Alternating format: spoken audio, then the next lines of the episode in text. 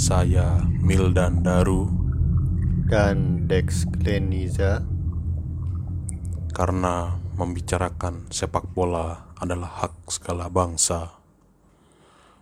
Siniar ini tayang setiap hari Selasa.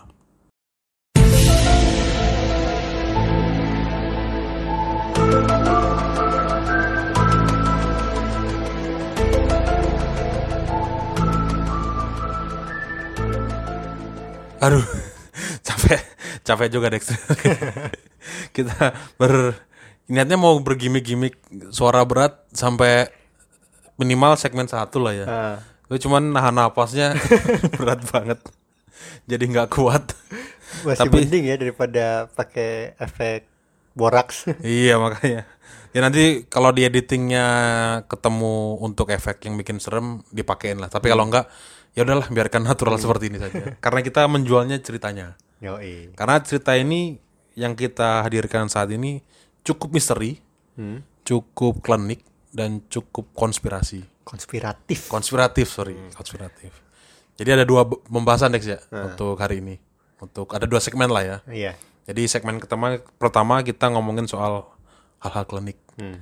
Lalu segmen kedua kita akan ngomongin soal. Konspirasi-konspirasi luar biasa di dunia sepak bola. lo membuka ini dengan apa dulu nih Mil Gua katanya ada membuka- cerita membastis lo bilang membuka ini dengan cerita bombastis. Ini cerita termasuk klinik iya, konspiratif iya. Ini bukan cerita gua yang gua buat-buat atau gimana. Ini dikutip di media, Dex. jadi kalian bisa googling ya Gak kan googling pasti ketemu. Ini tidak ada yang ngarang-ngarang. coba cerita apa Mil gue pengen tahu Jadi gua mau ceritain namanya nih Arkan Bodana Zezaprajna. Dia ini adalah tim analis Indonesia U19 waktu era Indra Safri dulu yang masa jaya-jayanya itu Hmm. dulu tahun antara ya 2012, 2013, 2014 lah Eh, masa-masa itu masa-masa jaya-jayanya timnas U19 era Ivan Dimas lah kalau gampangnya itu. oh iya apa Jadi ceritanya si Arkan ini tuh setiap apa sesuai yang tadi gue bilang adalah tim analis. Tapi dia bukan analisis performa di lapangan ataupun kebugaran pemain. Hmm. Tapi dia analisis keselarasan pemain dengan alam semesta. Apakah pemain-pemainnya Lu anjir gue lagi mau cerita misteri lu ketawa. Si, ini serius, ini Oh, serius, ini serius, serius. sorry sorry serius Iya, apakah pemain-pemain yang dipilih itu selaras dengan alam semesta katanya? Ini namanya Arkan. Jadi dia ini mengklaim adalah lulusan doktor, Dex. dokter Doktor metafisika dari University of Metaphysics International, Los Angeles, Amerika Serikat. Luar biasa Lulusan USC, Lu lulusan mana, Dex? Bandung ya? Bandung Kalah sama dia lulusan Amerika. keren Jadi- Jadi, namanya singkat ceritanya, dia ini dulu tuh kenapa bisa sampai masuk tim analisnya Indra Safri, ibaratnya tim, eh sorry timnya lah pak, jangan analis lah. Nanti kita dianggap terlalu masuk timnya Indra Safri. Jadi ada tesnya dulu Dex. Jadi di tesnya itu adalah saat Indra Safri masih di timnas U17. Jadi saat itu timnas U17 Indonesia lagi persahabatan lawan Arab Saudi tahun 2012 di Malaysia. hmm, gimana Arab Saudi mah udah tahu di Asia jagoan Jago, bola lah. ah. Tim-tim papan atas top lah. Nah, si Arkan ini dia itu menolak empat pemain andalan coach Indra Safri. Jadi Arkan bilang coach empat pemain ini jangan dimasukin starting line up karena, Karena? tidak selaras dengan alam wow alam Malaysia saat itu karena mainnya di Malaysia. gue kira Arab tetap menang gara-gara rajin sholat beda ya beda Enggak, cerita ya enggak, enggak. Lu jangan macam ngancing bagian itu deh. Lu nggak bisa counternya kalau yang itu. lanjut lanjut Terus habis itu alasannya eh, tadi alasan tidak cocoknya itu merusak struktur tim lah gitu. Kayak tadi. Nah, karena Indra Safri pengen ngetes tadi hipotesanya tadi itu, Hmm. dicadangin lah itu empat pemain, Hmm. cadangin, main, das das das das duk duk dak duk, ada dua gol untuk Indonesia. Indonesia menang 2-0 lawan Arab Saudi. Gila kan? Gila. Arab Saudi menang 2-0 lawan Arab Saudi. Pertandingan sisa 10 menit doang. Dia pengen ngetes dong, bilangnya dong. Dimasukin lah empat pemain yang katanya nggak boleh main tadi. Setelah dimasukin, ternyata timnas Arab Saudi langsung ngegolin. Satu. Tapi satu gol. Skornya akhirnya 2-1. Untungnya belum sempat kebobolan lagi, pertandingan sudah selesai. Indonesia tetap menang 2-1 tapi timnas beneran kebobolan. Karena memasukkan empat pemain yang dilarang tadi. Hmm. Nah, akhirnya karena itu direkrutlah dia masuk U19. Hmm. Karena dulu kan masih di, di U17. Ikutlah dia U17 apa U19. Nah, si Arkan ini tuh dia nggak dibayar, Dex. Hmm. Jadi dia tuh ya udahlah, apa nggak usah dibayar nggak apa tapi kenalin gue ke media katanya. Hmm. Kalau zaman anak sekarang tuh bahasanya tuh barter sama exposure. Exposure. ah. Follower banyak mendapat produk gratis lewat exposure Nah, kayak gitu gitulah kalau anak sekarang tuh. Nah tapi akhirnya si Indra Safri tuh sama Arkan ini berpisah, Dex. Jadi setelah mengalami kesuksesan tadi itu, jadi setelah direkrut tadi, eh Piala AFF juara, Juara. ah. Kualifikasi Piala Asia lolos Piala Asia. Setelah kualifikasi pisah mereka karena si Arkannya ini eh, sakit hati lah gitu. Bilangnya tadi kan di barter exposure. Ternyata Indra Safri nggak kenal-kenalin tuh Hmm. sama media. Jadi setelah juara FF mau kenalin, dia nagih si Arkannya. Hmm. Katanya mana kali kenalin. Wah ini terlalu mepet dengan kualifikasi AFC gitu. Eh, nanti deh setelah kualifikasi AFC gitu. Udah tuh. Oh ya udah, tapi gue tetap kerja bareng ya. Ya udah tetap kerja bareng. Tetap kerja bareng di kualifikasi AFC. Eh, yang dramatis banget lawan Korea Selatan, di Selatan. GBK tuh, yang hujan-hujan, yang secara ajaib bisa menang lawan Korea Selatan. Itu masih kerja sama mereka. Tapi setelah itu karena beres AFC ternyata lolos, eh, sorry, beres kualifikasi AFC ternyata lolos ke Piala Asia. Tapi tetap nggak dikenalin juga. Akhirnya sakit hati mundur. Nah, seperti yang kita tahu, Hmm. waktu di AFC Indonesia kan babak belur. Nah, itu. Tapi waktu dikonfirmasi di media, Hmm. eh, kata Ines Raffi, Arkan ini nggak mundur. Jadi kutipannya tuh kalau bisa kalau gue bacain ya Hmm. Dari mana? Hmm. dari merdeka.com. Kalau ada kata-kata dia mundur, dia tidak pernah saya angkat kok. Jadi mundur dari mana katanya Hmm. gitu. Jadi semi membantah lah gitu ibaratnya ibaratnya, "Ah, enggak kok enggak, enggak. orang kita nggak pernah ngangkat dia sebagai staff kok Hmm. mundur. Mundur dari mana orang? Dia kata aja belum ke mundur gitu. Kata Indra Safri. Hmm. terus habis itu dia bilang juga orang ketemu aja jarang katanya. Hmm. nggak selalu karena menghubungi dia juga susah kata Indra Safri. Terus soal yang nggak ada bayaran tadi Hmm. Indra Safri konfirmasi juga. Dia bilang sama dengan saya konsultasi dengan Kiai semua ikhlas. Nah, jadi emang bener nggak ada nggak ada bayaran tuh. Jadi emang mungkin bagian exposure tadi mungkin mungkin ada benarnya di barter exposure tadi. Karena nggak ada bayaran. Ada bayaran. kenapa dia mau kerja kalau nggak ada bayaran? Kan gitu. Nah eh, ketua PSSI Juara Rifin pun saat itu saat itu ketua PSSI-nya Juara Rifin bilang juga ya Arkan membantu Indra. Dia membantu secara sukarela kata Johar Arifin itu 19 Februari. 2014. 2014 jadi semuanya tuh mengamini tuh Indra Safri bilang iya kerjasama Johar juga. Johar juga bilang tapi Indra Safri di beberapa kutipan, kutipan media yang gua cari itu selalu memata-mata gitu kayak malu-malu mengakui Hmm. kalau dia memakai jasa metafisik mungkin karena nggak logik kali ya Iya. ya bisa dipahami. bisa dipahami. Nah, salah satu metodenya selain apa dia pakai nama-nama tadi, apa sesuai namanya adalah sesuai selaras atau tidak selaras, dia juga mengganti nama Indonesia. Indonesianya Indonesianya diganti. diganti. Jadi timnas saat itu tuh namanya timnas Garuda Jaya, bukan timnas Indonesia. Karena dia menurut dia eh, nama Indonesia itu nggak sesuai dengan struktur yang eh, baik lah gitu. Jadi nama Indonesia itu adalah nama yang buruk, jadi bisa merusak struktur gitu. Karena dia kan bekerjanya berdasarkan nama kan. Jadi dia tuh punya semacam software gitu, dia masukin nama tuh. Nama lo Dex Klianiza dimasukin nanti dianalisis sama dia apakah struktur nama ini baik Hmm. sesuai karir apa gitu-gitu Oh iya. nah nama Indonesia jelek terus nama, nama pemain yang empat tadi Jelek itu juga. Hmm. juga jelek jadi jangan dimasukin lah gitu itu nah karena itu kemudian namanya diganti jadi tadi Garuda Jaya gitu Garuda Jaya. Nah, terus abis itu cek lagi kan. Tadi kan lo sempat ngecek tuh yang iya, sempet universitasnya ada apa enggak. Hasilnya gimana? Ternyata universitasnya tak terakreditasi abal-abal.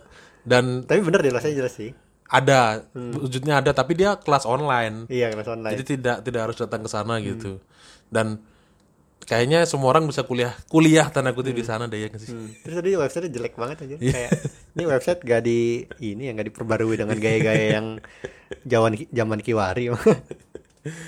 Nah itu kalau menurut lo itu ini tuh kayak gimana Dex? Menurut lo apakah eh, masuk dalam logik atau fenomena apa gitu yang terjadi di sini? gak enak ini kalau beneran kejadian kayak gini tuh kesannya emang Indonesia gagal gara-gara dia kan. Iya. Padahal bisa jadi enggak. Gak enaknya tuh ada kecocokan di sini. Karena teori-teori klinik konspirasi itu emang dari cocokan A ke B ke C cocok-cocokin. Mm-mm. Akhirnya jadi konspirasi tadi. Nah, itu tuh kayaknya ini ya buat kalian yang mau percaya dengan ini ya udah emang faktanya kan gitu. Hmm. Kan kita lo bilang kan emang faktanya gitu mau gimana? Emang dia gagal setelah dia keluar kan masalahnya gitu tuh. Iya itu. Kalau penjelasan secara eh, taktikal ya lu bisa lihat di atas lapangan emang di levelnya beda jauh antara Indonesia dengan tim-tim yang ada di AFC gitu. Tapi kalau berdasarkan nama-nama tadi itu kan tidak apa ya tidak Sebenarnya banyak terjadi ya di di sepak bola nggak cuma di Indonesia doang kan. Iya, ya apa hal-hal klinik kayak macam ini tuh eh umum lah ya gitu. Kayak yang paling terkenal tuh yang Lauren Blanc nyium Pala. kepalanya Bartes gitu. Itu kan salah satu apa eh, kebiasaan keduanya saat eh, timnas Prancis sebelum kick off. Jadi karena Lauren Blanc back terus si Bar- Bartes adalah kiper, dia cium dulu tuh ubun-ubun yang botaknya tuh sama Lauren Blanc, dicium Bartesnya. Itu semacam kebiasaan lah gitu. Akhirnya juara dunia.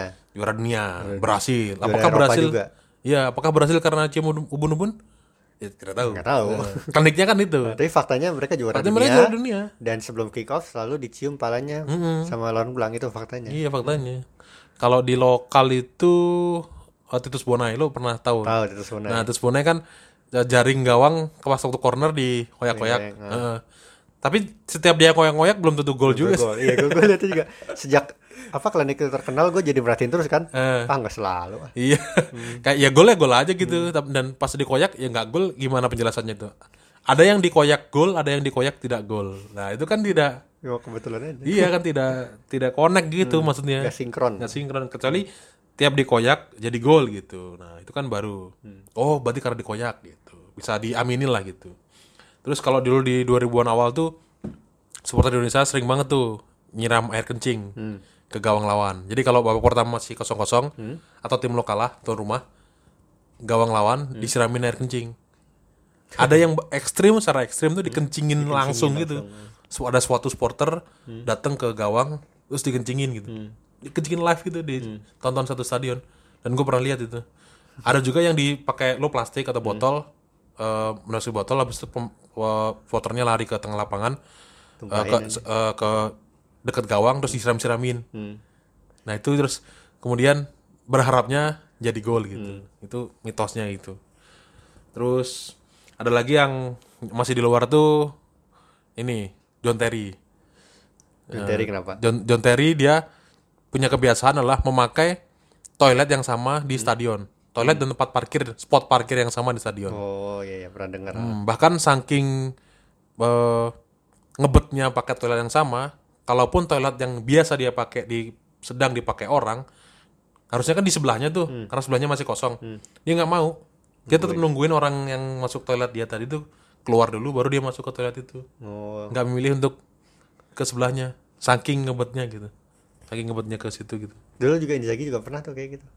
Apa tuh? Harus selalu boker sebelum pertandingan. Nah, harus selalu. nah. Meskipun jadi dia makannya banyak sebelum pertandingan Biar boker. dan harus boker. Nah, nah itu jadi kliniknya dia lah ibaratnya gitu. Terus juga ini yang yang agak nyambung sama tadi Arkan sih dulu Raymond Domenech sih, pelatihnya Prancis. Waktu Euro 2016. Nah, dia milih pemain berdasarkan zodiak atau astrologi. Jadi kalau dia striker nggak cocoknya Aquarius misalkan gitu gitu. Iya kayak gitu, gitu. Nah ini sempat di komentarin Marlon bilang, gue sih nggak percaya, tapi gue pengen lihat dulu lah hasilnya gimana gitu. Soalnya menarik. Nah kalau di tim jagoan gue Leeds nih dulu. Pernah dulu dimiliki sama Massimo Cellino. Dia tuh dulu sebelum di Leeds di Cagliari. Dia nggak suka angka 17. Di stadion Cagliari angka 17 di nomor bangkunya itu diganti 16B jadinya. Anjir kayak gedung-gedung di ini ya. Kalau Iya, nggak ada kayak- nggak ada angka 13 sama Iya, jadi- ada angka 4 gitu. Iya benar. Nah kalau di Leeds itu nomor punggung 17 tuh nggak ada yang punya, nggak boleh ada yang punya. Terus ada kiper Paddy Kenny, gara-gara lahirnya 17 Mei, dibilang ke pelatihnya Devo Kedai waktu itu, ini jangan dimainin lagi, jual aja katanya. Padahal itu kiper timnasnya Irlandia. Hanya karena dia lahir 17 Mei. Heeh. Jadi kalau lihat kayak gitu-gitu tuh penjelasan lo tuh apa Dex menurut lo? Yang paling gampang sih sugesti sih. Gimana jadi tuh? ya kalau kalau lo tahu ini nggak efek placebo? Nggak tahu. Efek jadi ada penelitian dulu bilang ada pasien nih sama-sama sakit, sakitnya sama lah gitu jenisnya.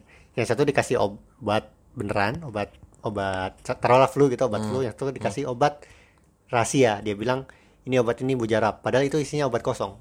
Kayak ibar- ibaratnya tepung doang ibarat gitu. Hmm. Tepung yang dipadatkan jadi pil gitu. Tapi diceritain ini obat sangat mujarab dia bilang gitu.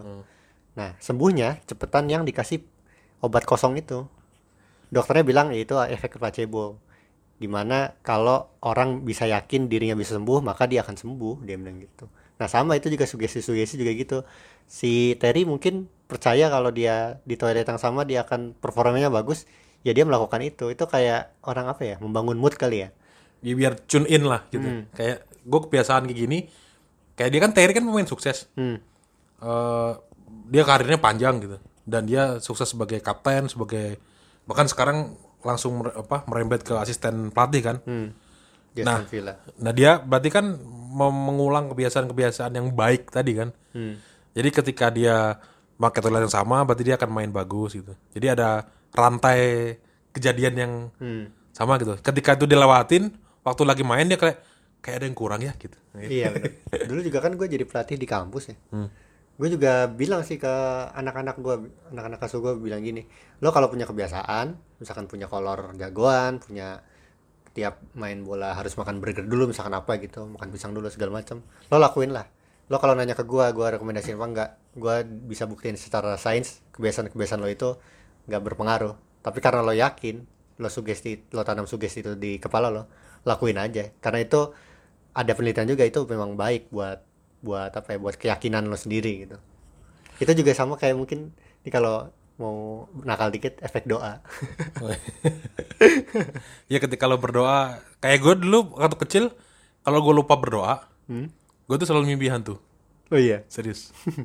Tapi ya makanya kan kan ada momen-momen masih lo masih kecil kan ada momen lo ketiduran. Hmm. kayak gitu. Atau enggak eh, lagi tiduran di sofa ketiduran. Bukan bukan tidak memposisikan diri sebagai siap ti- untuk tidur gitu. Iya iya. Kalau gue memposisikan diri siap untuk tidur gue selalu apa cuci tangan cuci kaki gosok gigi di situ berdoa gitu. Itu gue nggak pernah mimpi aneh-aneh. Tapi ketika gue tidak berdoa gue selalu mim- mimpi buruk. Itu terjadi. Keyakinan lo kan berarti? Iya iya iya itu ter- terjadi keyakinan itu. Sama kayak ada cerita cerita lagi tuh cerita yang legend banget lah ini. Cerita di Cina. Jadi ada jenderal perang gitu panglima perang lah paling gampangnya tuh. Dia tuh terkenal dengan panglima perang dengan pasukan yang tangguh. Jago banget perangnya. Hmm. Sering selalu menang Hmm. selalu menang perang lima ini. Rahasianya adalah karena tiap dia perang dia selalu eh, mendapatkan izin dari para dewa dapat izin dapat izin Berarti dari para minta dewa. izin dulu ya? Hmm. minta izin dulu. Nah, cara dia minta izin adalah dengan eh, melemparkan koin Hmm. dari depan pasukan ribuan pasukannya. Hmm. Dia selalu melempar koin. Habis itu dia bilang ke dewa, dewa, kalau eh, kamu mengizinkan kami untuk berperang, tolong tunjukkan koin ini eh, kepala naga. Hmm. Tapi kalau kamu tidak mengizinkan, tunjukkan ekor naga Hmm. kayak gitu. Jadi dia apa eh, ngeluar lemparin koin, keluar kepala naga, dia berangkat. Hmm. Keluarin kalau keluar apa eh, ekor, dia tidak berangkat. Hmm. Tapi tiap berangkat dia selalu menang. Hmm. Ternyata waktu eh, dicari tahu lagi rahasianya adalah ternyata dia punya dua koin. Hmm. Jadi koin pertama adalah koin yang semuanya adalah ekor naga. Hmm. Lalu yang satu lagi adalah semuanya itu kepala naga.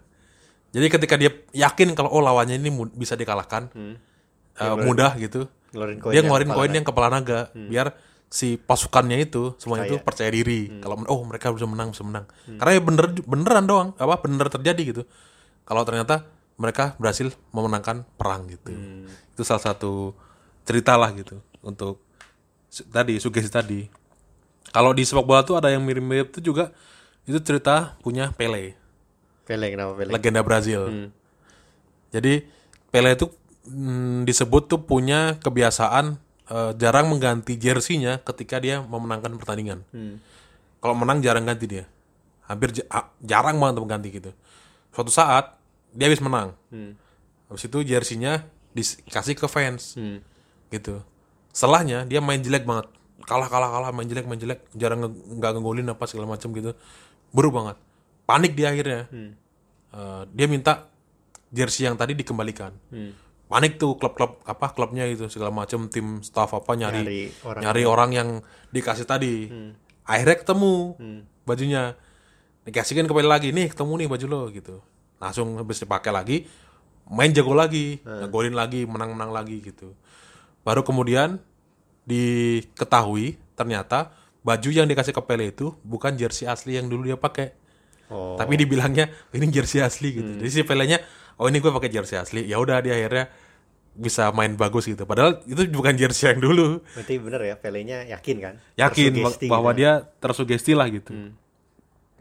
Nah itu kan apa semacam apa ya eh kebiasaan-kebiasaan yang dibangun lah gitu. Hmm. Kan ada juga mit- mitos yang eh, 21 hari Oh iya. itu mengubah ada. kebiasaan gitu. Itu tuh dari dulu tuh dok Dr. Maxwell Maltz namanya. Jadi bener meng- mengubah kebiasaan itu cuman butuh 21 hari. Makanya kan siapa Deddy Corbuzier ya lo tadi cerita pernah Oh, bilang iya. mau kurus. Waktunya bukan setahun, bukan tiga bulan, bukan empat bulan gitu. Cuma 21 hari. Nah, hari doang. gimana caranya kurus 21 hari gitu? Nah, penjelasannya adalah jadi lo kalau bisa membangun kebiasaan yang sama terus-menerus selama 21 hari, maka itu akan menjadi kebiasaan baru lo. Kayak makannya teratur selama 21 hari, olahraga teratur selama 21 hari, tidur teratur selama 21 hari berturut-turut. Nah, makanya itu akan jadi, jadi habit lo. Nah, cuman eh, dia ini dulu eh, tahun 1950-an ya, dia penelitian ini dia dia meneliti ke pasien-pasiennya. Dia bia- bilang pasiennya terbiasa nerima hasil operasi itu, misalkan tangannya buntung dia amputasi. Nah, 21 hari kemudian baru bisa terbiasa gitu. Oh ya udah gue udah biasa lagi. Nah, dari situ terkenal istilah habit 21 hari ini. Oh. Cuman eh, ini tuh akhirnya dianggap mitos sama penelitian terbaru. Bukan terbaru sih, tahun 2010-an lah. 50 60 tahun setelah itu.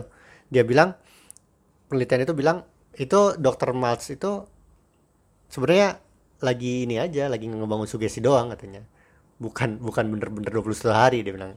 Penelitian yang bener itu adalah kalau membangun habit itu adalah 66 sampai 254 hari yang benernya dia bilang. Cuman ini tuh punya efek positif banget ke para pengikutnya sampai sekarang pun bahkan. Makanya tetap ya silakan kalian kalau percaya 21 hari silakan percaya aja karena Nggak dampaknya itu nggak pernah negatif gitu. Ya kayak gini-gini tuh dampaknya nggak pernah negatif. Cuman memang begitu di apa di di mau dibuktikan tuh nggak terbukti. Cuman ya lo kalau kalau udah percaya ya udah lo lakuin aja gitu katanya. Makanya sampai sekarang tetap dipertahankan. Jadi sebenarnya kayak yang kita apa cek tadi tuh, iya semua klinik itu bisa dijelaskan sebenarnya nggak sih. Saya jelaskan. Iya, iya. Dan Kayak- itu masing-masing orang aja. Iya, dan kalau ada ada pun yang tidak bisa dijelaskan, ya mungkin karena kebetulan saja. Atau ada hal-hal lain yang kita belum bisa memikirkan alasannya gitu. Iya nggak sih? Jadi apa misalnya kayak tadi yang air kencing gitu. Ya mungkin karena baunya pesing kipernya di terganggu. Iya bisa jadi. atau karena tadi kena apa eh, pesing si staffnya ngeliat terus wah jadinya aneh nih gitu. Ya mungkin aja gitu kan. Ya hal gitu. Tapi kalau ngomongin yang klinik-klinik itu kan masih ya bisa dijelaskan lah. Tapi ada hal lain tuh Dex. Kalau yang di sepak bola juga yang lagi rame juga yang ra- yang rame juga itu tuh sulit dijelaskan. Beberapa tuh tidak masuk akal, aneh dan sebagainya. Itu soal konspirasi. Wah, konspirasi. Konspirasi itu ada konspirasi-konspirasi yang wow di sepak bola.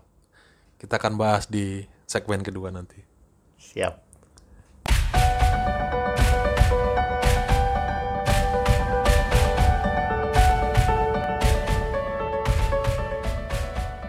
Tadi kan kita udah ngebahas klinik nih. Sekarang waktunya membahas konspirasi. Ini lebih Banyak konspirasi di dunia dark ini, lagi ternyata. nih. Gua gua pikir memang semuanya sudah diatur sih. Iya. Sudah diatur Allah Subhanahu wa taala. Nih, jadi apa ya? Soalnya eh, kita sebagai fans atau media bahkan itu selalu sigap tuh kalau ngasilin teori konspirasi kalau ada kesebelasan yang diuntungkan, ada yang dirugikan gitu. Soalnya kadang teori konspirasi ini kedengaran gawat banget, gak sedikit juga yang kedengaran gak penting. Intinya mereka anggap ada sesuatu yang lebih besar, lebih gelap, yang bersembunyi di balik kita semua. ada ya misalkan paling gampangnya timnya juara nih oh ini dia juara karena ini eh, kepala daerahnya ada pilkada gitu ya itu konspirasi bukan sih atau Bisa jadi itu. semacam itulah Ah, semacam itu. Cuman itu bisa terima kayaknya. nah ini langsung langsung aja gua gua bacain ya beberapa konspirasi yang pilihan kita lah gitu, pilihan footballer. Yang pertama tuh waktu final Piala Dunia 98 tuh saat belang nyium palanya Bartes ada konspirasi nih dibilangnya. Konspirasi katanya Ronaldo disuruh main di final Piala Dunia sama Nike. Jadi Ronaldo waktu itu lagi bagus-bagusnya kan dia menang Ballon d'Or dua kali ya. top sebelum final tuh. top lagi top topnya Lagi lah top-topnya. Cuman sebelum final tuh dia cedera sebenarnya. Nggak fit lah gitu. Nah, tapi Nike maksa berhasil waktu itu CBF si federasinya untuk mainin lah Ronaldo. Soalnya ikonnya Nike nih dia lagi jago-jagonya juga. Ronaldo main terus. Kalah kan 0-3 dari Prancis kan. Zidane yang golin tuh. Nah, Zidane nih dan Prancis nih musuhnya Nike, Adidas.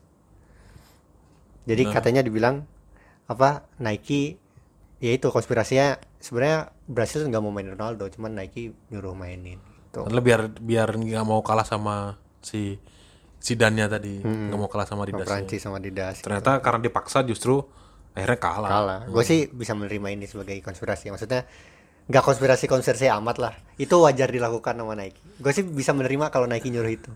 Eh, meskipun mungkin enggak gitu. ya tap- tapi lo mewajarkan nggak? kalau yang 98 ini banyak banget teori konspirasinya sih. Hmm. Karena mungkin karena skornya 3-0 dan Brazil saat itu lagi jago gitu. Ya emang Pra- Prancis jago juga sih cuman kayak eh, nggak mungkin lah gitu kalah gitu. gue juga ngerasanya waktu itu gue inget gue nonton langsung gue ngerasa Brasil akan juara sih Hmm. tapi kalau kalah nggak akan 3-0 lah Ya kayaknya makanya itu yang membuat jadi wah wah gimana gimana. Itu sama kayak Indonesia di Piala AFF 2010 waktu lawan Oh, iya, Malaysia. Malaysia Eh, di fase grup Indonesia menang eh, 5-1 atau 4-1 Hmm. lupa. Menang telak lah lawan Malaysia gitu. Tapi di final tiba-tiba dihantam gitu di Bukit Jalil 3-0 tiba-tiba. Ada insiden-insiden yang Hmm. Eh, aneh sampai dah pokoknya. bahkan sampai sekarang masih di ungkit-ungkit di- diungkit-ungkit gitu. Itu ya mungkin aja terjadi apa namanya? Kayak tadi racun lah atau cedera dipaksa main lah, yang nggak tahu juga. Hmm. lanjut ya Lanjut next. lanjut nih ini juga terkenal nih lo masih inget Paul the Octopus nggak Ya Paul Gurita yang Paul si Sigurita. jago ramal. nah dia ada konspirasi bilang ada dua tipe konspirasinya sih yang pertama itu bilang Paul tuh uh, kematiannya hoax jadi dia masih hidup sampai sekarang Karena dia kan di- dikabarkan mati. Hmm. Nah, yang kedua bilangnya Paul tuh udah mati dari awal. Nah, ini gue bacain ya dua-duanya ya. Jadi ini so- soal kematian ini bukan cuman JFK sama Elvis doang nih. Itu tuh Elvis gak sih? Elvis tuh nggak mati Ya, sebenarnya. ya. Sama kayak Michael Jackson dibilang Jackson, ya. dia cuman eh, istirahat aja. Istirahat gitu. aja gitu. Nah, dia bilang Paul Paul the Octopus tuh juga nggak mati katanya. Soalnya Paul Octopus itu bisa memprediksi benar 4 dari 6 laga Jerman di Euro 2008. Salahnya waktu itu waktu Kroasia menang di grup sama Spanyol menang di final.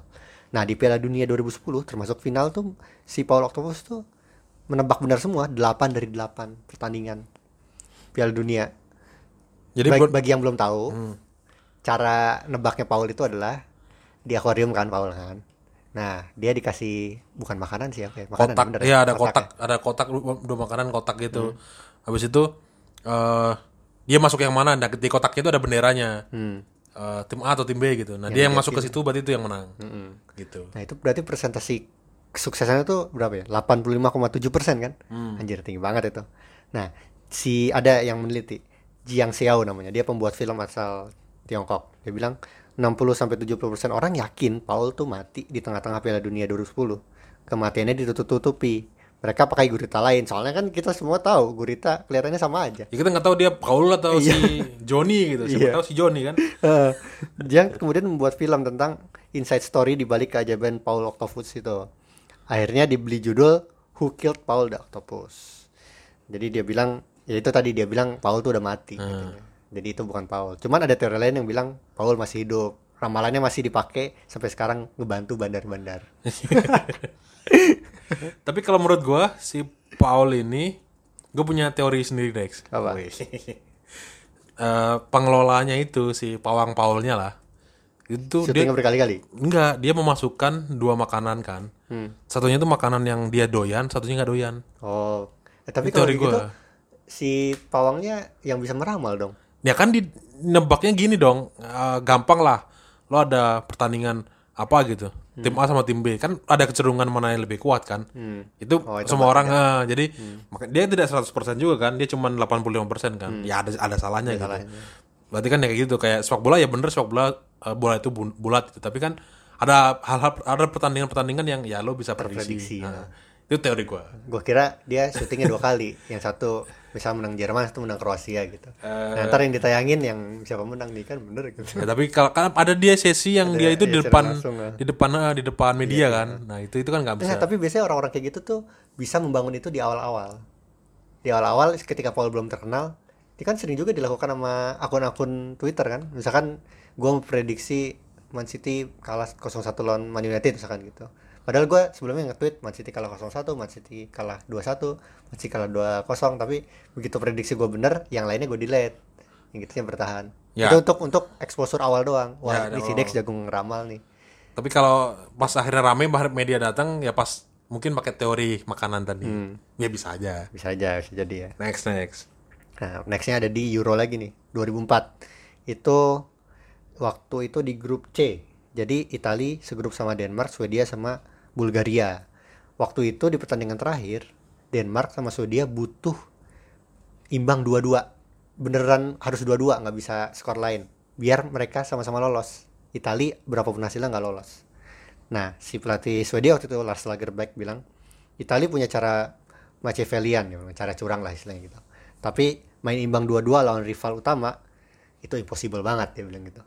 Terus Morten Olsen pelatihnya pelatihnya Denmark bilang itu memalukan kami orang-orang Skandinavia itu orang-orang yang jujur jadi nggak mungkin lah kami berbuat curang. Hasilnya dua-dua ternyata. Italia emang menang 2-1 lawan Bulgaria tapi nggak ngaruh nggak lolos. Akhirnya si Denmark sama Swedia itu yang lolos ke babak gugur. Nah waktu itu pemain Italia Matthias Johnson cetak gol kan di menit 89 kan. Kelihatan banyak pemain yang mulai ogah-ogahan. Jadi cetak gol penyama kedudukan jadi dua-dua. Soalnya orang-orang udah pemain-pemain di lapangan udah sama-sama tahu ya udah kita udah sama-sama lolos kalau skornya kayak gini mah gitu Thomas Helveg terus bilang sih sempat bilang itu pertandingan beneran kok. Gue mau menyingkirkan mereka. Mereka itu kan rival kita katanya. Itu teori konspirasi yang hubungannya sama fair play. hmm, Diduga melakukan main mata. main mata. Gue bilang ini sih bisa bisa banget terjadi sih. Karena main mata gue juga lihat sih di eh, kemungkinan dituduh main mata. Ada di per- satu pertandingan di Liga Indonesia lah. Jadi dia harus imbang biar keduanya bisa lolos Bisa gitu. lolos, ya. Terus lo lihat apa eh, Cara lo mainnya. cara mainnya di replaynya gitu. Lo buka YouTube replaynya. Eh, lo nggak perlu jadi expert, lo nggak perlu ahli menendang bola. Lo cuman butuh orang yang bi- biasa nonton bola aja. Terus lo cek pertandingan itu, terus lo bilang ini pertandingan seng- bolanya sengaja di eh, tidak digolin apa enggak gitu. Pasti gue yakin dia bilang, ah ini mah sengaja nggak mau ngegolin. oh, iya. Kayak tadi kan kalau yang ini kan karena ogah-ogahan tadi kan bilang setelah gol udah dua-dua terus mereka udah main ogah-ogahan. tapi gue rasa kalau gue jadi pemain Swedia dan Denmark ketika ketika si siapa tadi eh, ada pencetak gol Matthias Johnson cetak gol jadi dua-dua gue sih emang ngerasa kayak gitu sih adalah kita udah sama-sama lolos gitu Eh, kita gak usah terlalu serius lah itu jadi kayak common ground gitu gak nggak diomongin gue nggak ngomong ke lo nggak ngomong ke lawan udah kita ngomongnya ki- kita mainnya Sama-sama tahu. santai aja enggak Sama-sama Ya, tahu. sama-sama tahu aja gitu Atau mer- mereka emang beneran lagi main aman. Iya, bisa ketika lo menyerang kan simple ya ini simple taktik simple lah ketika lo menyerang lo dapat counter kan bahaya Hmm. makanya lo lebih memilih untuk Minimal risiko. eh ya meminimal risiko banyak pemain di belakang ketika banyak pemain di belakang lawannya juga gitu Hmm. mereka nggak mau ngepres karena kalau dia, mereka ngepres resiko juga di, diserang cepat bisa kebobolan makanya mereka sama-sama di belakang akhirnya ya udah terlihat ogah-ogahan Berarti ini bisa diterima ya? Hmm, gue sih ya, bisa, bisa gue sih oke ini. lah ya. Hmm. Nggak konspirasi-konspirasi amat. Nah ini yang, yang cerita berikutnya nih yang menurut gua agak menggelikan. Itu dia bilang ada kode rahasia di balik ini pola- lo mau serius mau bacain serius deh. Soalnya ini, ini fuck banget lah gitu kayak apaan what the fuck gitu. Jadi dia bilang ada kode rahasia di balik pola operan Barca untuk menyelundupkan senjata ke Suriah. Tai, ngeri banget nih. Jadi waktu El Clasico 2012, televisi Suriah ngeklaim Messi dan kawan-kawan mengirim pesan kode kepada rebel melalui pola operan. Namanya Al Dunia TV. Di sini kami bisa lihat ketika senjata dikeluarkan di katanya. Dia sambil lengkap dengan grafis peta Suriah dan passing mapnya Messi, Iniesta dan Pedro. Jadi ada ada rekamannya tuh. Cuman gue liat cek di YouTube udah nggak ada sekarang. Dulu sempet sempet rame tuh. Katanya formasi Barcelona merepren- merepresentasikan rute penyelundupan senjata. Pemain-pemainnya merefleksikan penyelundup lokasi bola itu adalah lokasi senjata selundupan. Gila. Ketika Messi mengoper bola itu mengindikasikan bahwa senjata telah sampai kepada rebel-rebel di Dir al-Zur. Nah, teori ini didukung sama Presiden Suriah, Bashar Assad. Ini ka- kalau kata gue kayak effort banget anjir mau buat teori konspirasi. Gue ngebayangin gue jadi pemain Barcelona kita harus bantu menyelundupkan apa senjata ke Suriah. Kamu ngoper sini Messi habis itu ke sini. Lihat pemain Madrid juga harus pas timingnya. Gila ini effort banget anjir. Ini sih ini nggak alah ini enggak lah apa pun lah. Itu 2012 itu berarti masih Pep Guardiola ya kalau nggak salah ya? Iya masih Guardiola. Nah, itu Pep Guardiola jadi Pep Guardiola punya kode apa peta misilnya nah habis itu dia senjata. harus melatihnya di tempat latihan. Hmm, tempat latihan di direpresentasikan tuh gitu. Harus disiarkan. Heeh. secara langsung jadi penyelundup tuh bisa ngelihat jadi orang ngebaca gitu oh ini Messi ngoper sini ayah kita selundup kita selundupkan ke sini gitu. Kayak Nah, tapi kan ada juga lo main kalau lo kan main bola ya tidak sedang pertunjukan. Kecuali lo per- sedang melakukan pertunjukan tari seni apa pun yang lo bisa melakukan apa saja mungkin itu iya. Gue kayak "Ah, ya udah iya deh gitu bisa gitu gitu tapi kalau ini kan ada lawan lo ada lawan yang harus ngelawan lo kan Iya. ya kalau lawannya Banyak lagi di situ kan lo nggak mungkin ngo- ngoper di situ dong gitu Sebenarnya ini mirip kayak nih nih, nih yang yang agak ini ya, agak bisa terima tuh. Lo tahu waktu pas ada yang ditawan terus disiarin live. oh iya Nah, terus dia ngedip-ngedip gitu pakai Ah. sandi Morse. pakai saya ya, ya. H itu apa bisa sandi Iya, iya. Morse-nya? Dia ngedip sesuai H E L P. Jadi intinya dia minta tolong. help gitu ha. Nah, Nah, kali kayak gitu lebih bisa Ya, diterima ya. gua. Atau misalkan tanah Messi sedang ma- menerima KDRT misalkan, Hmm. lagi selebrasi dia apa gitu. Nah, iya kayak gitu bisa tuh. Kode-kode gitu cuman kayak gini, gue sih kita sepakat lah ini nggak mungkin lah ya. Iya, enggak ini enggak what the fuck banget lah ya. Jauh lah, jauh lah, udah lah. Next, next, next, next. Udah jangan lama-lama bagian ini. Nah ini ini ada apa cerita berikutnya itu Nazi membunuh namanya pemain bola namanya Matthias Sindelar. Sindelar itu pemain Austria. Dia cetak dua gol untuk membuat malu Jerman Nazi di pertandingan persahabatan tahun 1938. Setahun kemudian Sindelar waktu itu 35 tahun meninggal. Katanya dia dan pacarnya Camilla Costagnola memutuskan bunuh diri itu katanya ya. Tapi ada yang bilang juga dia kecelakaan ketika lagi menyalakan cerobong asap. Ada yang bilang juga dia udah ditandain sama Nazi waktu pas menang lawan Nazi itu sih bikin Austria menang lawan Nazi nah kebetulan Sindelar juga pro Yahudi makanya itu dibunuh sahabatnya Sindelar Er- Egon Ulbricht bilang kalau petugas udah disuap agar kematian Sindelar dianggap kecelakaan jadi bilangnya kecelakaan tadi ya gara-gara cerobong asap ya supaya dia bisa dimakamkan secara wajar soalnya kalau meninggal bunuh diri atau dibunuh Nazi itu dia nggak bisa dimakamkan katanya gitu. Nah itu sampai sekarang nggak ada yang tahu ini benar atau enggak. Masalah itu kan tahun 1938 dan Nazi itu benar-benar lagi kuat-kuatnya lah pengaruhnya. Gua rasa sih gua bisa mempercayai ini sih. Meskipun mungkin enggak, tapi kalau bilang ini bisa dipercaya apa enggak, gue bilang sih bisa dipercaya. Eh, karena ini menyangkut kematian, diri, eh. kematian. Jadi gue, saya kayak nggak bisa kayak ngejudge gitu. Hmm. Gue nggak nggak, gue apa tetap apa Tapi ya? harga diri harga diri Nazi emang tinggi banget sih waktu itu. Ya, jadi Ada yang mempermalukan di sepak bola bis ya ya udahlah bunuh gitu. Ya mungkin dia ditekan atau apa mungkin ya nggak tahu juga. Tapi Lagi dia juga pro Yahudi kan. ya, ya, itu mungkin. Bisa, tapi bisa, bisa di- diterima kalau gue sih. tapi nggak tahu karena itu menyangkut kematian gue sih lebih berhati-hati untuk tidak. tapi ya ini sangat-sangat konspiratif sih. Masa apa sangat konspiratif lah. Terus next, next. Next nih, ini juga menarik. Lo inget BB nggak? BlackBerry. Enggak dong. BB Legend Man United. Iya, BB Legend Man United, bener. Nah itu katanya transfernya ke MU tuh eh, konspiratif. Jadi kan banyak spekulasi dan keanehan kan di transfer BB kan. Soalnya waktu itu Ferguson belum pernah ngelihat BB main. Dia nggak terkenal juga si BB, tapi berani bayar. Waktu itu 2010 tuh 7,4 juta pounds. Itu gede banget waktu itu. Nggak banget sih, cuman gede lah.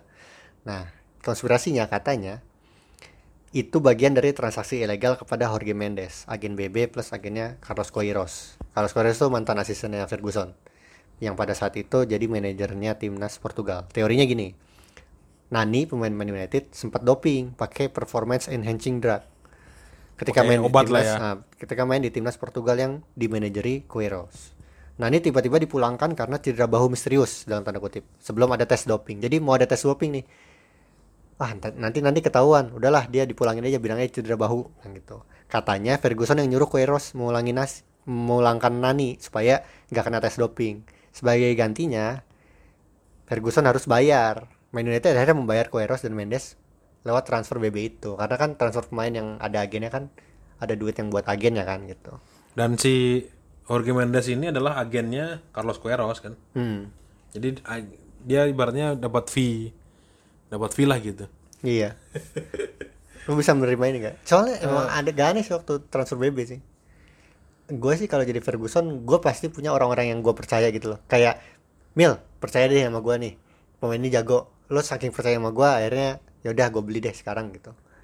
Cuman masalahnya itu jarang terjadi. Itu terjadi kayaknya sekali ini doang deh. Agak aneh sih. Kalau itu sih dan ki- sampai sekarang nggak tahu yang merekomendasikan BB siapa Iya, iya memang aneh sih. Terus tapi kan ada kalau di Indonesia, di Indonesia kan ada fenom, iya. ada fenomena Ferguson gitu tapi Iya, ya, ada fenomena pemain eh sorry, pelatih eh, merangkap sebagai agen yang dia dapat komisi gitu-gitu. Tapi kalau sekelas Ferguson kan dan apalagi dengan keuangan yang ketat ya maksudnya pengawasan keuangan ketat kan sebenarnya agak sulit lah ya gitu. riskan ya Eh, cuman kalau yang bawah bawah tangan gitu-gitu tuh ya mungkin aja. Kalau gue sih nganggapnya buk yang bagian naninya mungkin agak agak setengah-setengah nggak terlalu percaya lah gue. tapi bagian ini Tapi bagian dia eh, antara Ferguson sama Jorge Mendes punya kesepakatan yang lain. itu mungkin ya Ya atau enggak dia pengen berhubungan baik aja gitu sama Jorge Mendes. Makanya di, di- ini kemudian bocor ke orang lain misalkan agennya apa staffnya Mendes atau staffnya Fer- Man United gitu. Dia bilang, "Wah, ini mah bisik-bisik si Fergie sama Jorge Mendes." Terus muncul teori konspirasi soal Nani karena kebetulan Nani cedera misterius. bisa jadi Nah, mungkin gitu gue. Jadi, tapi ad- apakah ada antara Ferguson dengan Jorge Mendes dengan Carlos Queiroz tadi? Mungkin, Mungkin aja ada. ada. Tapi nggak tahu apa gitu. Entah tentang transaksi atau apa nggak tahu juga. Ya, bisa. Ya, Gue sih sepakat itu sih. Gue sih kayaknya gitu. Sama. Terus next, next, next. Ada nextnya nih ada Eh seru deh sih. Tapi bacaan ginian aja terus ya. next ada insiden Watergate namanya. Hmm. Anjir Watergate. Itu waktu itu pemain Brasil diracun lewat air minum oleh Argentina di Piala Dunia 1990 di Italia. Jadi waktu itu babak 16 besar Piala Dunia antara Argentina lawan Brasil. Bek kiri Brasil, Branco, dia bilang yakin timnya diracun oleh visio Argentina, Miguel Di Lorenzo. Waktu itu lagi pemain lagi pada cedera. Jadi kan kalau pemain cedera kan biasa kan ada staff yang bawa air minum terus kasih minum gitu kan Mil. Nah ini Dan bahkan kalau yang masuk visit trophy lawan pun Iya. mereka masih suka sering minta minum gitu. Nah itu dari dulu terjadi ternyata zaman itu. Nah masalah waktu itu si Di Lorenzo itu yang nawarin air minumnya ke Branco. Kamu mau minum gak gitu? Biasanya kan minta ya yang Ah. main lawannya minta. Hmm, Nah di di laga itu Brasil kalah 0-1. Masalahnya dua hari kemudian si Branco ngerasa pusing dan sakit. Dia sih yakin banget sakitnya itu berasal dari air minum yang ini dia spesifik banget bilang dicampur bius obat penenang. spesifik banget bilang kayak gitu. Diracun gitu ya. diracun lah gitu. Awalnya Argentina nggak mengakuinya, nggak mungkin, nggak kita nggak melakukan itulah dia bilang Hmm. gitu. Nah tapi Maradona sempat bicara di interview televisi pada tahun 2005. dia nggak nggak nggak me- nggak menyatakan enggak lah gitu nah cuman yang paling komentar paling apa paling keras itu waktu Carlos Bilardo pelatihnya Argentina waktu itu ngomong kayak gini oke gua nggak bilang itu nggak terjadi dia bilang gitu jadi Ibarat- panjang lebar panjang lebar terus tiba-tiba dia di akhirnya bilang gitu oke gua gua nggak bilang itu nggak terjadi Kalau- Jadi ini double negatif gini kan paling males ya orang bisa menjebak gitu loh. Pertanya- pernyataan menjebak. antara dia kepleset lagi ngomong ya kan Hmm. tapi yang masalahnya yang ngomong ini Maradona Maradona setelah pensiun Hmm. kan kita semua tahu ya Maradona setelah pensiun itu kerjanya ngapain teler kan jadi apa pun yang keluar dari mulutnya susah dipercaya Tapi emang Brasil Argentina rival banget sih. I- Mungkin akan mengalahkan segala cara, gue juga nggak tahu. tapi untuk apakah mau ngeracunin kayak gitu ya mungkin aja karena maksudnya eh, bukan suatu yang mustahil lah Hmm. tidak seperti teori-teori kita yang tadi yang di atas konspirasi yang di atas tadi kan kayak teori-teori ah, apa sih apa sih kalau ini kan teori simple simple. dari air minum terus apa gitu kan ya ya mungkin aja sih Mungkin terjadi ya. Heeh. Nah ini juga pernah terjadi sih sebenarnya. tapi yang masalah yang ngomong Argent apa Maradona sih Maradona ya. Ini juga pernah terjadi di dunia modern waktu itu. Tahun 2005-2006. mirip-mirip diracun juga Mirip. Nah itu cuman Arsenal sama Tottenham lagi rebutan posisi di UCL peringkat 4 Hmm. Waktu itu ya dibilang si Spurs tuh nginep di hotel, kokinya dibilang fans Arsenal. Anjir. Dibi- bikin lasanya, dibilang diracun. Habis itu 10 pemain Spurs keracunan makanan, sakit. Akhirnya Spurs gak lolos lah intinya gitu. Tapi- Hampir-hampir mirip lah ya. tapi kan ini kalau yang ini kan sempat dicek resmi segala macam kan Iya. Eh, dan Tapi nggak ada laporan resminya, habis dicek juga. Jadi ada jangan-jangan semua staffnya fans Arsenal Jadi bilang koki hotelnya tuh fans Arsenal katanya. bahkan sampai ada yang teori yang menye- menyebutkan kalau ada peran Arsene Wenger di sana kan Iya. ngeri banget ngeri ngeri. ada aja gitu tapi kayaknya cerita yang paling aneh dan paling ini sih di cerita terakhir gini Dex kayaknya Dex Apa udah udahan ah? Lagi masih ada lagi? lagi lah Lagi. gue ketagihan sama cerita kayak gini lu gak gue seneng sih cerita kayak gini coba Dex cerita lagi Dex gue dengerin lagi Terakhir lah ya, terakhir lah ya. ya boleh boleh Terakhir lah ya. boleh Ini nih menurut gua agak agak apa ya? Fantastis. gue gue baca judul skripnya ini udah wow banget sih coba lo ceritain Jadi pada dunia 1958 di Swedia itu adalah hoax. Ini judulnya nih. Jadi Piala Dunia 58 itu adalah hoax lo percaya nggak Mil? Kalau Pele itu adalah produk hoax terbaik sepanjang masa. ya enggak lah dia menjago beneran kok gimana sih lo aneh aja Sutradara Johan Lofstad melalui film Conspiration 58 yang dirilis pada Mei 2002 bisa bikin lo berpikir demikian. Ini ini di- ini so- bukan soal Pele ya. Pele Pele mah jago beneran. Masalahnya performa Afik Pele itu debutnya itu di Piala Dunia 58 sama tim nasional. Bagi warga Brasil waktu itu sih Pele 17 tahun masih kan. Emang udah ketahuan lah jago. Cuman bagi warga dunia lain, dun- maksudnya sisa dunia itu mereka nggak belum kenal Pele.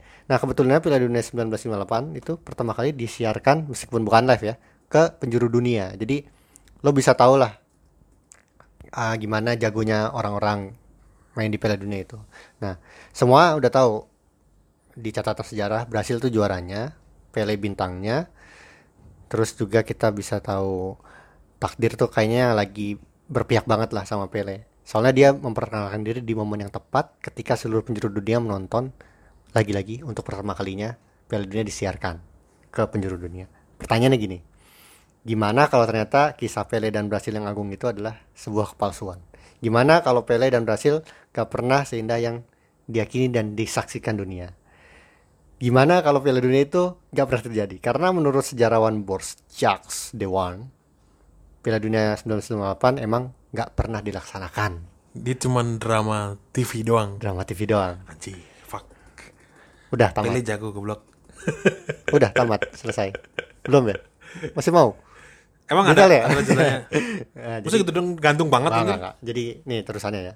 Jadi kata Dewa Iron, Amerika Serikat perlu mencoba kekuatan televisi dalam mempengaruhi masyarakat. Itu adalah bagian dari perang dingin yang tengah berkecamuk. Saya menyebutnya sebagai perlombaan media. Jadi ini penting banget buat Amerika Serikat. Piala Dunia di Swedia kan. Nah dia bilang dia nemu banyak kejanggalan.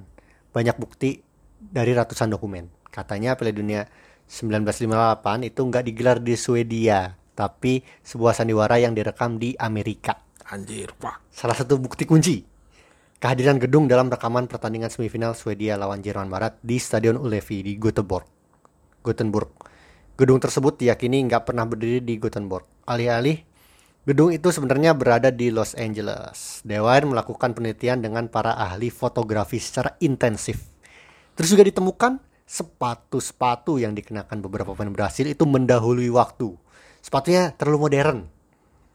Fenomena alam juga mendukung nih. Dia bilang bayangan para pemain nggak selaras dengan matahari ketika musim panas di Swedia. Bayangan itu justru lebih cocok kalau mataharinya di pesisir barat Amerika Utara. Semua argumennya tuh tanpa celah. Paling ada satu doang yang yang yang bercela dikit. Ada satu kekurangan. Dia nggak pernah bahas sejauh apa keterlibatan sutradara Stanley Kubrick dalam koreografi permainan Pele dan kawan-kawan. Soalnya kan di Piala Dunia 1958 bukan cuma Pele dan Brasil doang kan. Ada generasi emas Hungaria, The Mighty Mayars, tau kan lo? Ya, yang legend mode. Hmm, ada yang jadi nama tengah anak gua, laba-laba hitam, Levi Yassin. Terus juga ada duet maut Prancis, Raymond Coppa dan hanya air mancur, Just Fontaine. nah, bagi warga Swedia sendiri Piala Dunia 58 di Swedia itu terlalu manis untuk dilupakan. Soalnya di turnamen ini mereka dapat gelar runner up. Itu pencapaian terbaik mereka sepanjang sejarah sampai kita rekaman podcast ini. Nah, maka waktu itu si Love's Dead dan para penganut teori konspirasi dihujat habis-habisan oleh masyarakat ketika Konspiration 58 film ini ditayangkan di televisi Swedia. Salah satu pentolan komunitas konspirasi itu, Olaf Arnell namanya, dapat teror. Dia waktu di wawancara Dead di film itu, dia bilang, ini nggak bisa dianggap sebagai sebuah lelucon. Ini serius. Ada banyak surat yang diduga berisi bom. Ada banyak telepon masuk. Saya harus meminta polisi jaga-jaga mengawasi rumah saya. Saya diberitahu bahwa hidup saya nggak akan lama lagi. Pokoknya dia yakin banget gelaran Piala Dunia 1998 adalah kebohongan yang terstruktur, sistematis, dan masif.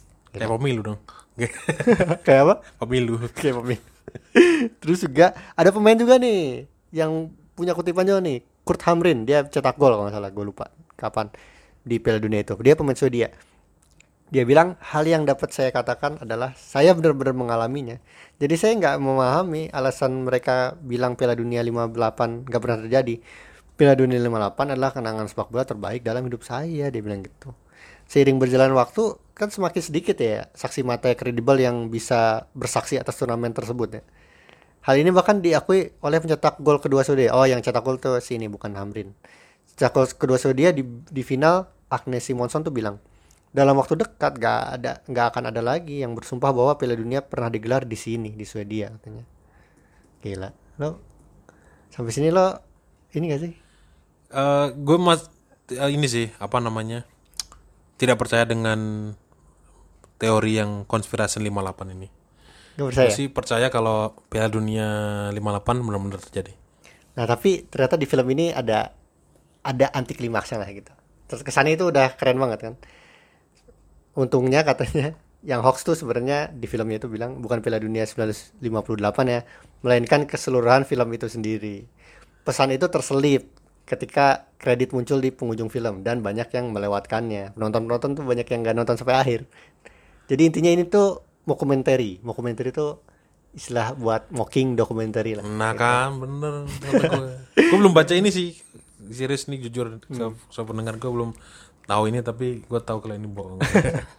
Jadi semua itu berawal ketika Love's Dead dan teman-temannya menyaksikan sebuah program tentang orang-orang yang nggak percaya bahwa Holocaust itu benar-benar terjadi. Lo tau Holocaust kan? Pembantaian terhadap Ya, ya, Yahudi ya. dari Nazi itu. Dalam konteks lokal mungkin kalau di Indonesia ya sama kayak bantahan terkait pemerkosaan massal di kerusuhan 98 di Jakarta tuh banyak yang bilang itu hoax. Nah itu kayak gitulah. Dia bilang si Love's Dead bilang sedikit ngeri tahu betapa mudahnya kita bisa membohongi audiens. Jadi dia itu pengen apa? Ngetes. Iya semacam apa sih social eksperimen. Hmm.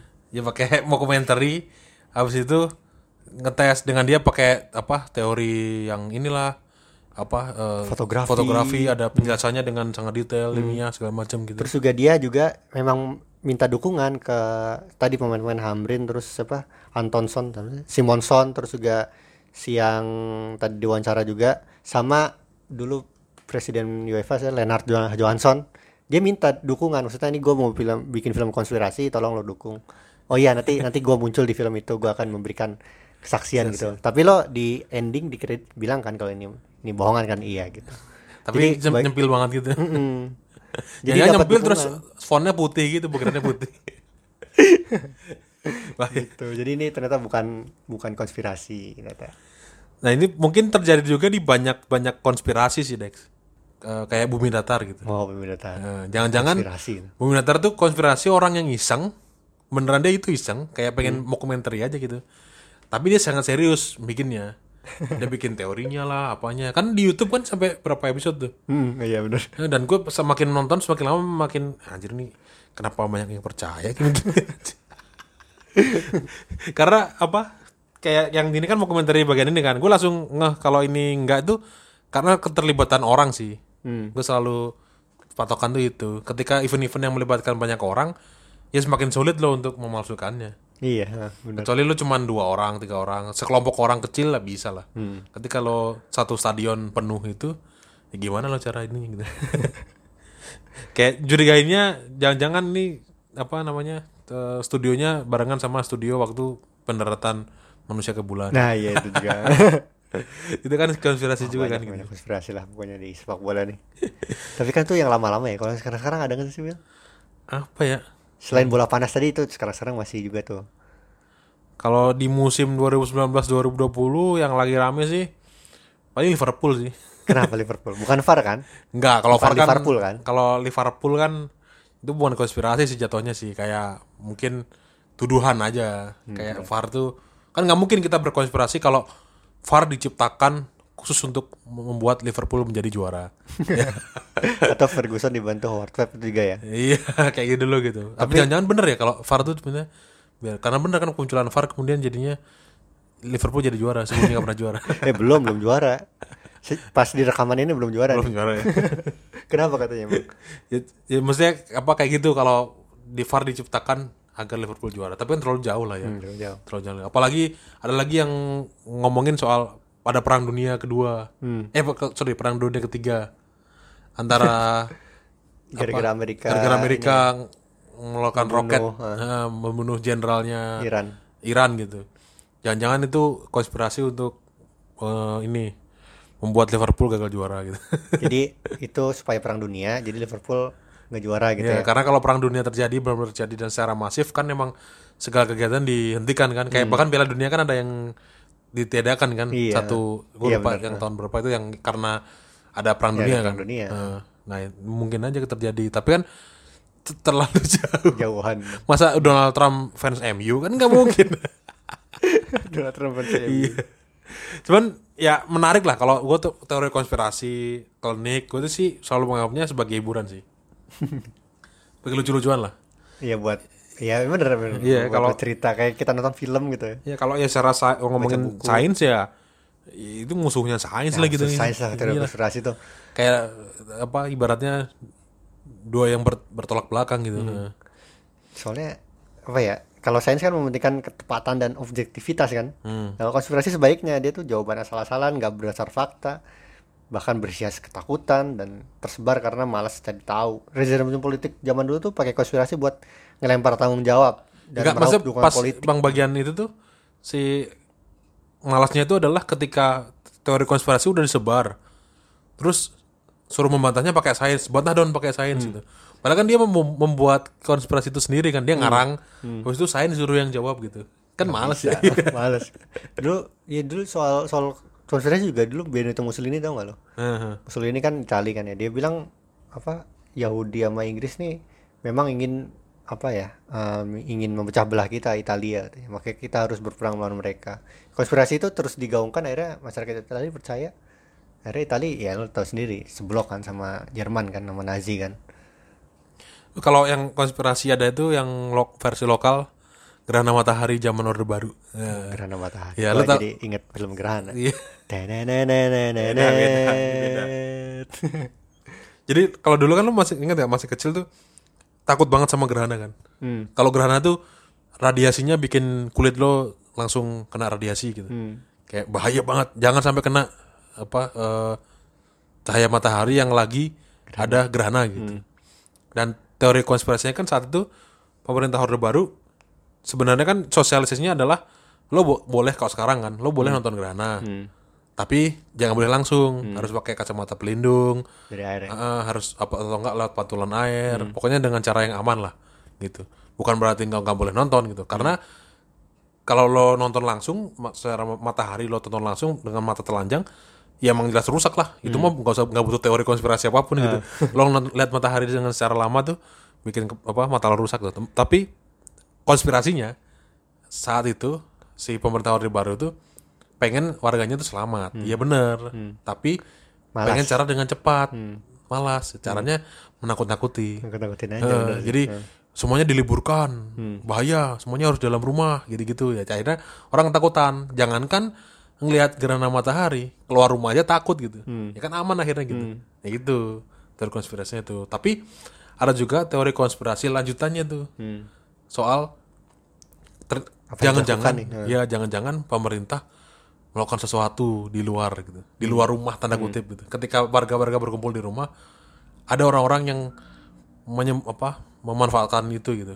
Buat di luar rumahnya tadi. Karena orang semua orang sepi. Entah ngapain itu. Nah, meskipun gitu. waktunya sebentar ya gitu bikin uh, pangkalan apa Jagger lah apa lagi. Cepet banget aja bikin. Itu sih yang te- teori yang tapi kalau yang di sport di olahraga itu tadi sih gue kecenderungannya adalah hiburan sih. Iya buat hiburan. Jadi kayak ya, lucu-lucuan aja gitu. Sama sugesti tadi kan. Hmm. Eh, kalau ya ya. Kalau lo mau dipakai tidak merugikan siapa pun dan itu berlaku positif ya udah lo jalanin aja gitu.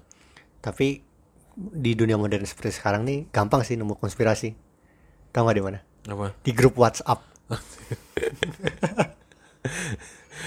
Itu sih yang ini sih apa namanya? Itu hiburan lama lama-lama emosi sih. Jatuhnya bukan hiburan lagi gitu. Tapi cuman kalau menyikapi yang bagian di sepak bola harusnya sih ini sih apa namanya eh, orang-orang tuh kalau misalkan sekarang kan konspirasinya seringnya teori juara tuh. Hmm.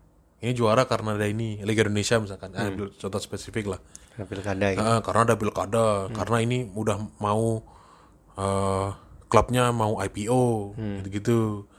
Nah menurut gue sih ya biar konspirasi-konspirasi ini tidak terjadi ya diperbaiki aja sepak bolanya gitu. Ya ketika lo jadwal lo ter, gak teratur gitu misalkan eh apa namanya bisa seenaknya pindah jadwal terus kualitas wasit jelek terus habis itu regulasi bisa diubah di tengah jalan gitu. Ya itu kan membuat orang akhirnya memunculkan konspirasi kan gitu. Jadi ketika lo udah bagus settle ketat segala macam orang mau konspirasi gimana orang udah tertulis aturannya gitu? Ya bahkan udah bagus pun masih ada teori konspirasi sebenarnya. Iya cuman tapi kan lebih minimal lah lebih bisa ditangkal lah gitu. Ya ketika lebih nggak sembarangan gitu. Makanya gue merasa kalau di Liga Indonesia teori konspirasi juara-juara itu muncul kemudian eh, akibatnya ya karena pengelolaannya aja yang buruk gitu. Jadi kayak gitu. Tapi ngomong-ngomong kayak gitu di musim 2019 sebelum apa sebelum liga dimulai gue memprediksi juara tuh. Apa? Posisi Liga 2 sama Liga 1 Liga 2 gue bilang Persik Kediri. Oh Persik kediri. Liga 1 gue bilang Bali United. Hmm. dan itu dua-duanya terjadi. Kenapa itu? Ya itu konspirasi. Yang baru lah belum tahu. Ya jangan lah itu next episode lah. Episode ya udah kayaknya cukup sekian ya. Eh, nanti tunggulah next episode yang membahas juara Liga 1 oh, yes. bersama MW lagi? Oh enggak dong. Dia mah prediksinya ngawur. Ya udah sekian ya. Terima kasih untuk teman-teman yang sudah mendengarkan. Jangan lupa follow sosial media kami di @footballierid bisa di Twitter, Instagram maupun eh, fanpage Facebook. Terus jangan lupa follow akun Spotify kita di eh, footballernya itu nanti kalian cari ada tombol follow. Nah itu kalian follow. Biar apa? Biar nanti kalau ada episode-episode baru langsung muncul di home kalian. YouTube juga ada ya? YouTube juga ada. YouTube tuh ada yang komen. Apa? ini ini tuh konten bagus kok nggak ada yang ini sih nggak ada yang Nggak ada yang nonton view. gitu. Iya. Padahal kita nggak pernah promo. Iya. Ya sementara jangan-jangan dia juga nggak tahu ini bagian dari podcast, podcast. lagi. Ya adalah nanti kita inilah kita kalau ada event yang menarik ataupun ada video yang menarik kita lagi apa misalkan la, apa eh, mencoba podcast visual Hmm. ya siapa tahu nanti kita cobain lah ya next. Bisa. Eh, ya udah. Kayaknya cukup sekian next. Yoi. Ya ya udah. Terima kasih semuanya sekali lagi. Mohon Eh. pamit. kalau kalian punya teori konspirasi terbaru atau apa Wis. yang enggak enggak dibacain boleh lah ya komen-komen lah ya oh ya boleh Sebutin nanti kita Hmm. sebutin kalian reply di twitternya boleh atau nanti kalian komen di soalnya emang banyak banget sih ini gua sortirnya yang menurut gua menarik aja buat dibahas ya udah gitu aja kali ya Hmm. ya udah dadah ya Ini adalah suara pandit komputer. Terima kasih telah mendengarkan. Jangan lupa share ke teman-teman kalian.